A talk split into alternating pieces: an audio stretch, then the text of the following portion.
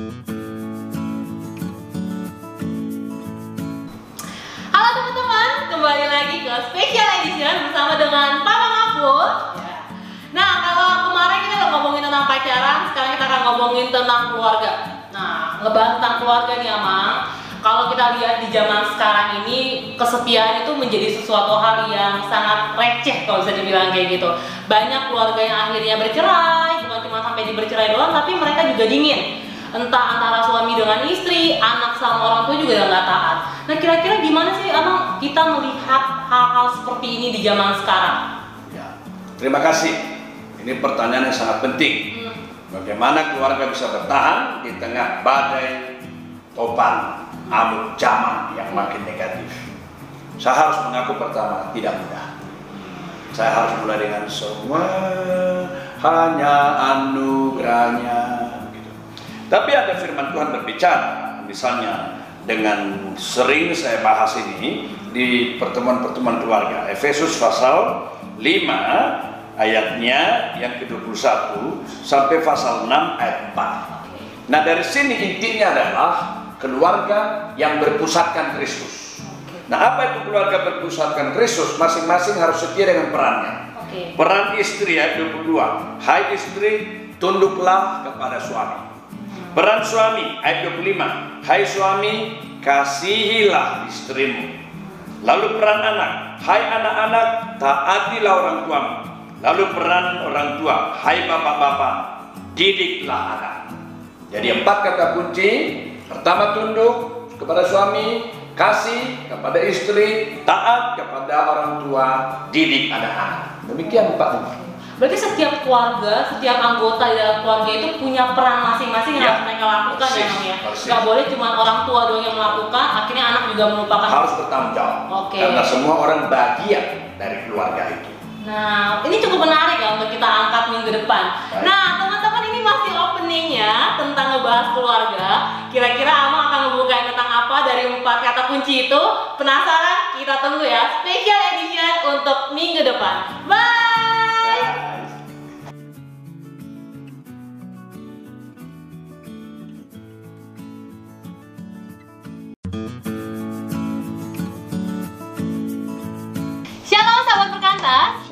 Lagi ke special edition bersama dengan aku Novi dan Bapak Mama Pul Sagala. Udah gak asing lagi ya.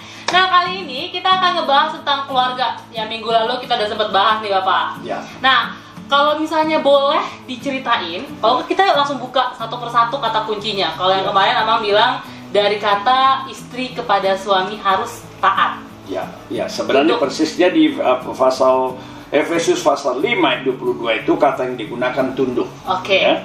Jadi hai istri, tunduklah kepada suamimu. Upotaso dalam bahasa Yunani. Nah, tunduk di sini apa?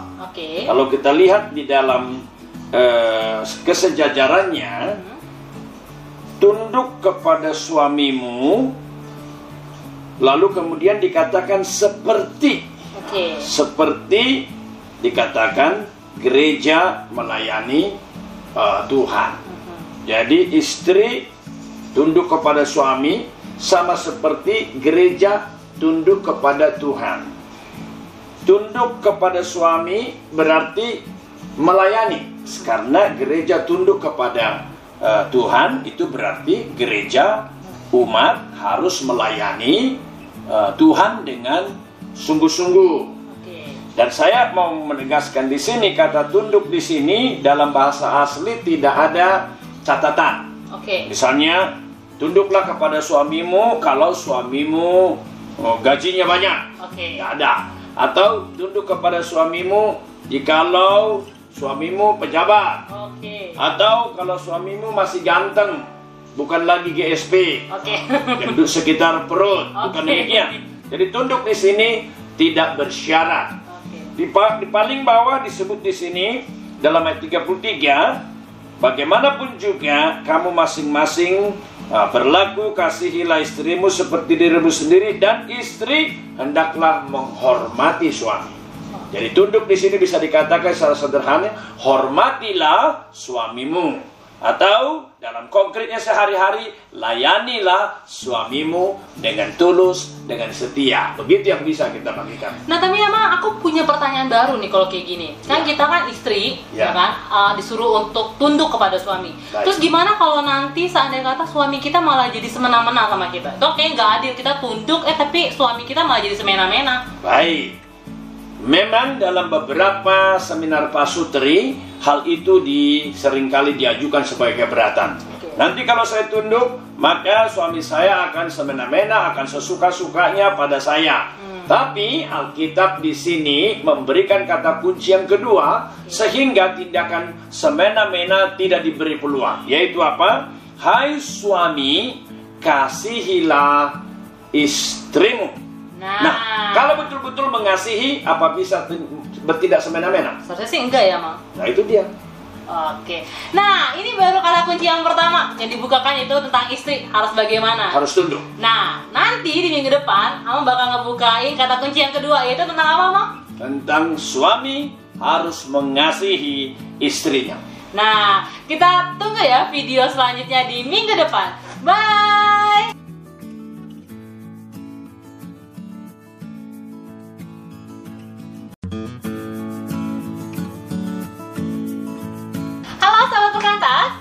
Kembali lagi bersama dengan saya Novi dan Papa Ngapul Segala. Nah kali ini kita akan masuk ke kunci yang kedua. Kata kunci. Ya, kata kunci yang kedua. Kalau minggu lalu kita ngebahas tentang bagaimana istri harus bersikap kepada suami. Tunduk kepada Harus suami. tunduk. Harus tunduk. Nah, kalau yang kedua ini kira-kira kata kuncinya apa, Mang? Ya, itu dikatakan dalam Efesus pasal 5 juga, Oke. ayat yang ke-25. Hai suami, kasihilah istrimu sebagaimana Kristus telah mengasihi jemaat dan telah menyerahkan dirinya baginya. Jadi kata kunci yang kedua di sini adalah suami harus mengasihi istrinya. Harus ya, harus ditekan ke kata Ya, harus. harus mengasihi istrinya. Kalau gitu boleh dibahas nggak? Maksudnya mengasihi istri itu harus yang kayak gimana sih? Hai suami kasih istrimu sebagaimana jadi itu kualitasnya sebagaimana Kristus telah mengasihi jemaat dan telah menyerahkan dirinya bagi jemaat. Jadi jelas di sini mengasihi ukurannya apa? Sama seperti Kristus mengasihi jemaat. Seperti apa Kristus mengasihi? Kristus menyerahkan dirinya bahkan sampai mati di kayu salib bagi jemaat. Itu dia. Wah, cukup menarik ya. Terus bagaimana kalau misalnya suami yang suka main tangan, Mang? Ngomongannya kasar sama Ya, istri. ini ini ini berhubungan dengan pertanyaan minggu lalu. Bentar. Kalau istri tunduk kepada Suami. suami, maka bisa suami semena-mena. Kalau setiap suami menghayati pengajaran bahwa suami harus mengasihi istri, tidak mungkin Hmm, memukul lagi. Oke. Karena apa di bawah juga dikatakan di sini, dia harus mengasihi istri seperti tubuhnya sendiri. Hmm, Sehingga kalau dikatakan suami memukul, menyiksa istrinya, sama seperti dia menyiksa dirinya sendiri. Mungkin nggak? nggak mungkin sih. Nggak mungkin, ke- kecuali orang gila. Iya benar benar benar. Nah berarti kalau gitu mah pertanyaan terakhir nih dari aku. Bagaimana kalau suami punya wanita idaman lain atau enggak dia gila kerja dikit-dikit, aduh tar dulu ya keluarga, aku mau kerjain kerjaan aku dulu. Itu Ya. gimana mama? Sebenarnya sama itu. Kalau betul-betul suami mengasihi istrinya, apalagi dikatakan ukurannya sebagaimana Kristus mengasihi jemaat dan sebagaimana Kristus rela berkorban, bahkan menyerahkan nyawanya sendiri, maka di sini tidak bisa dibayangkan suami yang mengasihi istrinya masih tega atau oke pekerjaan itu penting demi masa depan. Iya. Tapi kalau betul-betul suami dikuasai oleh kasih kepada istri, maka dia tidak akan menomorduakan atau menomortigakan istrinya. Dia akan tetap menjadikan istrinya spesial baginya. Kalau toh dia terpaksa terlambat, mungkin dia akan telepon. Oke. Ah, sorry ma, agak terlambat sedikit ini.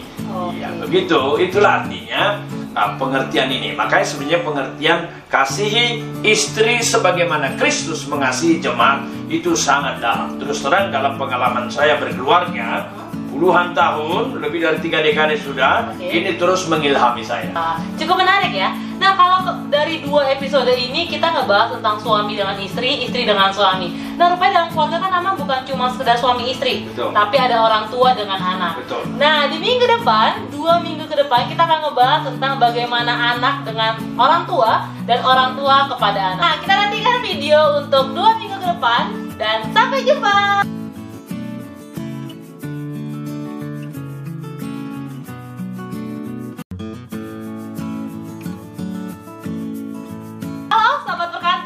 Kembali lagi ke special edition di edisi yang ketiga.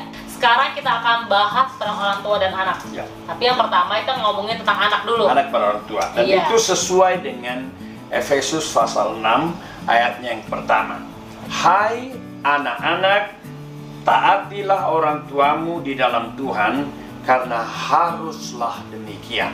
Kalau betul-betul anak itu anak yang memiliki Tuhan, maka perintah firman Tuhan di sini adalah hai anak-anak, taatilah orang tuamu dalam Tuhan. Dan ada kalimat di sini haruslah demikian atau dalam bahasa aslinya itulah yang benar. Ya. Tapi apa? Gimana ya? Aku kan posisinya sebagai anak nih di dalam keluarga aku saat ini. Aku ngerasa aku sulit untuk menaati orang tua karena papa mamaku tuh kadang-kadang suka inkonsisten gitu. Apa yang mereka omongin tidak sesuai dengan bagaimana mereka bersikap. Itu gimana doang? Jadi Baik. gimana aku mau taat gitu? Baik. Nah, jadi sama seperti waktu kita membahas minggu lalu, hai istri, tunduklah kepada Suami. suamimu. Itu tanpa syarat juga. Demikian juga sekarang, hai anak, tunduklah kepada taatlah kepada orang tuamu. Itu tidak ada syaratnya. Sehingga eh, kalau kita menganggap orang tua kita itu inkonsisten, tidak boleh membuat kita sehingga kita Iya. tidak taat. Misalnya dikatakan di sini, "Hai anak, taatilah orang tuamu kecuali kalau dia pelin-pelan Oh gitu ya? atau inkonsisten." Nggak ada kan? Nggak ada sih. Jadi soal orang tua kita itu pelin-pelan, inkonsisten, itu urusan dia dengan Tuhan. Jangan kita menghakimi, menilai orang tua kita nanti terjadi double tidak taat. Oke. Ya hanya. Dan perhatikan di sini, kalau anak itu taat atau ayat 2 menghormati, menghormati, ya melakukan yang baik, menyenangkan hati orang tuanya. Apa yang terjadi? Dikatakan di sini seperti yang nyata dari janji ini, supaya kamu berbahagia dan panjang umurmu. Nah ini saya suka ini kalimat ini. Berarti ada janji setiap anak yang menghormati, yang taat kepada orang tuanya, yang melakukan yang terbaik kepada orang tuanya, Tuhan memberkati. Dalam kenyataannya begitu Novi.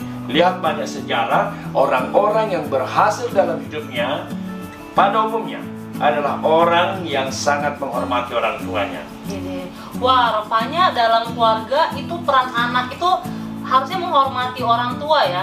Nggak Ya. boleh yang kayak ah udahlah dia sudah tua, udah kita nggak usah perhatiin. Berarti itu Betul. juga nggak boleh. Betul. Itu justru kita jadi kurang ajar sama keluarga ya. Dan Pak? ini perintah yang sangat serius dari Tuhan Allah.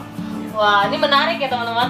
Nah kalau kali ini kita udah ngebahas tentang anak, posisi anak di keluarga masih ada yang satu nih pak, kata Ya. kuncinya. Ya. Yaitu apa pak? Kata kunci yang keempat nanti kita akan melihat orang tua didiklah anak-anak. Wah, bagaimana ya seharusnya orang tua mendidik anak-anaknya? Nah, penasaran? Kita nantikan di video minggu depan. Bye!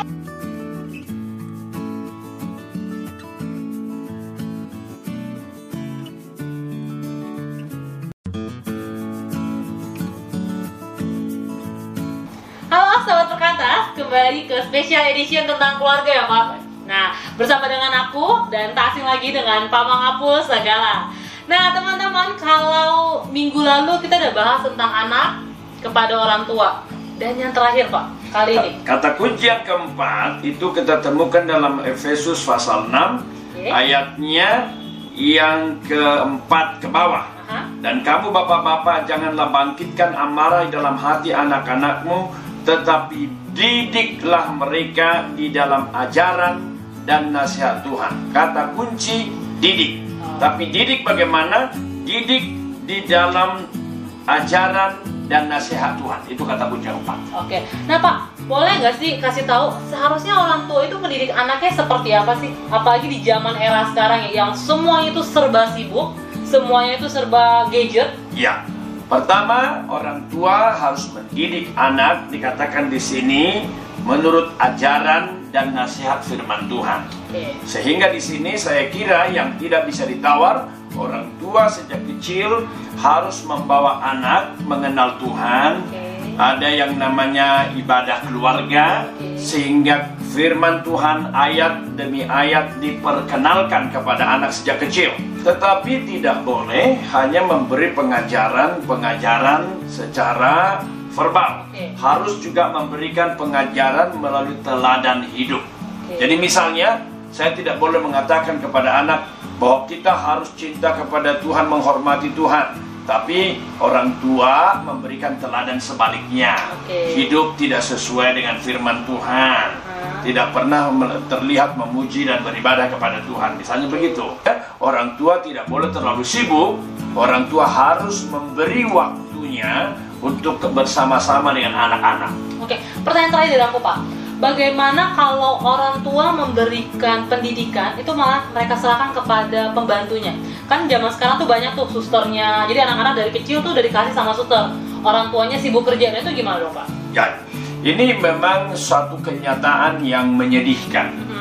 karena orang fak berbagai macam faktor misalnya orang tua yang sangat sibuk sehingga menyerahkan tidak punya waktunya untuk anak sehingga menyerahkan kepada uh, Pembantu. pembantu suster atau mungkin kalau dalam konteks beberapa tradisi dikasih kepada oma kepada opungnya tapi di dalam kitab suci ini jelas ini tidak boleh diganti nih dikatakan di sini hai bapak-bapak dikatakan di sini didiklah anak-anakmu dalam ajaran dan nasihat Tuhan. Tidak dikatakan di sini hai suster-suster. Oke. Tidak dikatakan hai pembantu. Tidak dikatakan hai oma. Meskipun mereka itu akan mendidik anak, tetapi tidak boleh digantikan. Kalau ini terjadi, nanti terjadi penyesalan dalam belakang hari. Bagaimanapun sibuknya, harus ada waktu yang sudah dipisahkan untuk anak-anak. Wah, jadi penting banget ya punya waktu untuk keluarga. Sangat penting. Wah. Dan jangan hanya bicara kualitas, Juga kualitas waktu dan kuantitas waktu. Wah, nah kami berharap satu serial video ini baik dari istri ke suami, suami istri, anak dan orang tua ini bisa membantu setiap eh, sahabat perkantas ya Pak dalam mendidik keluarganya, dalam membangun keluarganya. Dalam satu tema keluarga yang berpusatkan Kristus. Ya. Sampai depan di special edition Tuhan selanjutnya. memberkati. Dah.